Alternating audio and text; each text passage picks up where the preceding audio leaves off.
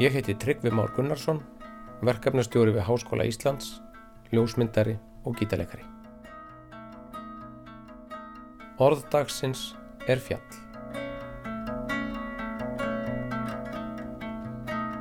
Það var í júli árið 1998 sem ég fór í fyrstu fjallaferðina mína sem leðsugumæður.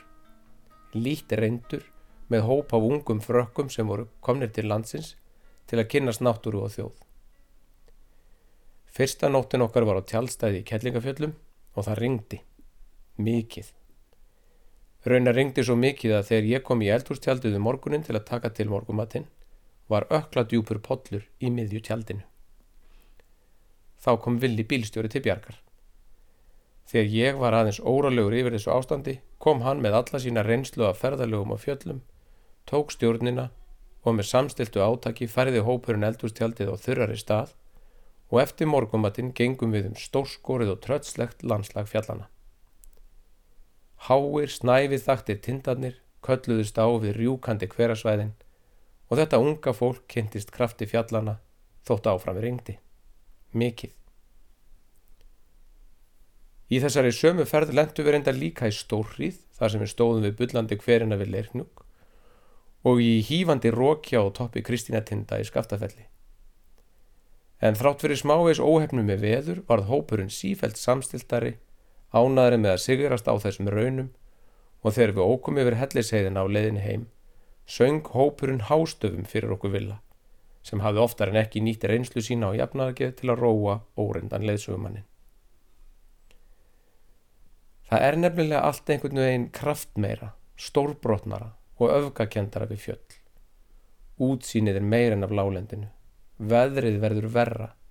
Þau geta verið brött og erfið, reynt á okkur og jafnvel bugað okkur um stund.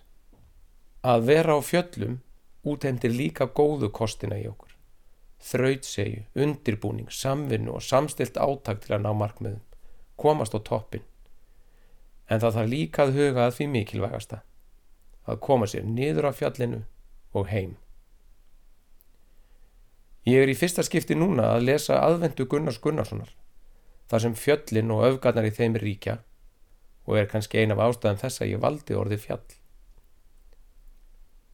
Einhverju luta vegna samsama ég með Benedikt og þessari aðvendu, þar sem hann ferðast um örafinn.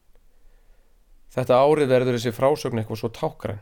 Við erum stött í stormi, það hryktir í stóðum og það eru margir sem eigum sárt að binda, svolítið eins og eftirlöfu kindurnar sem Benedikt Leo og Eitill leita svo ákvæft að.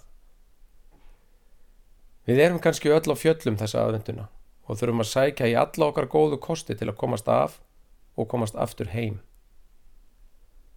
Þá er gott að hugsa til þess að þrátt verið þetta öfgakenda ástand, þá er einn eiginleiki sem fjöllin hafa og verður ekki svo auðvöld að tekin af þeim. Kyrðin. Þrátt fyrir allar öfgarnar í fjöllunum er fátt sem hakkar þeim kyrra á sínum stað þótt yllviðri geysi.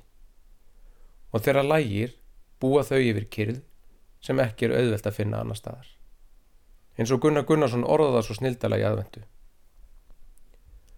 Og kyrðin drotnaði yfir okkur, þessi kyrð sem er í raun sál fjallana. Kanski getur við látið fjöllin, sál þeirra og öfgakent eðli leiðbin okkur aðeins og þá munum við finna kyrðina þegar stormin lægir. Fjall Há og umfangsmikil, oft kúft eða strítumynduð bunga sem gnæfir yfir umhverfið sitt í landslægi.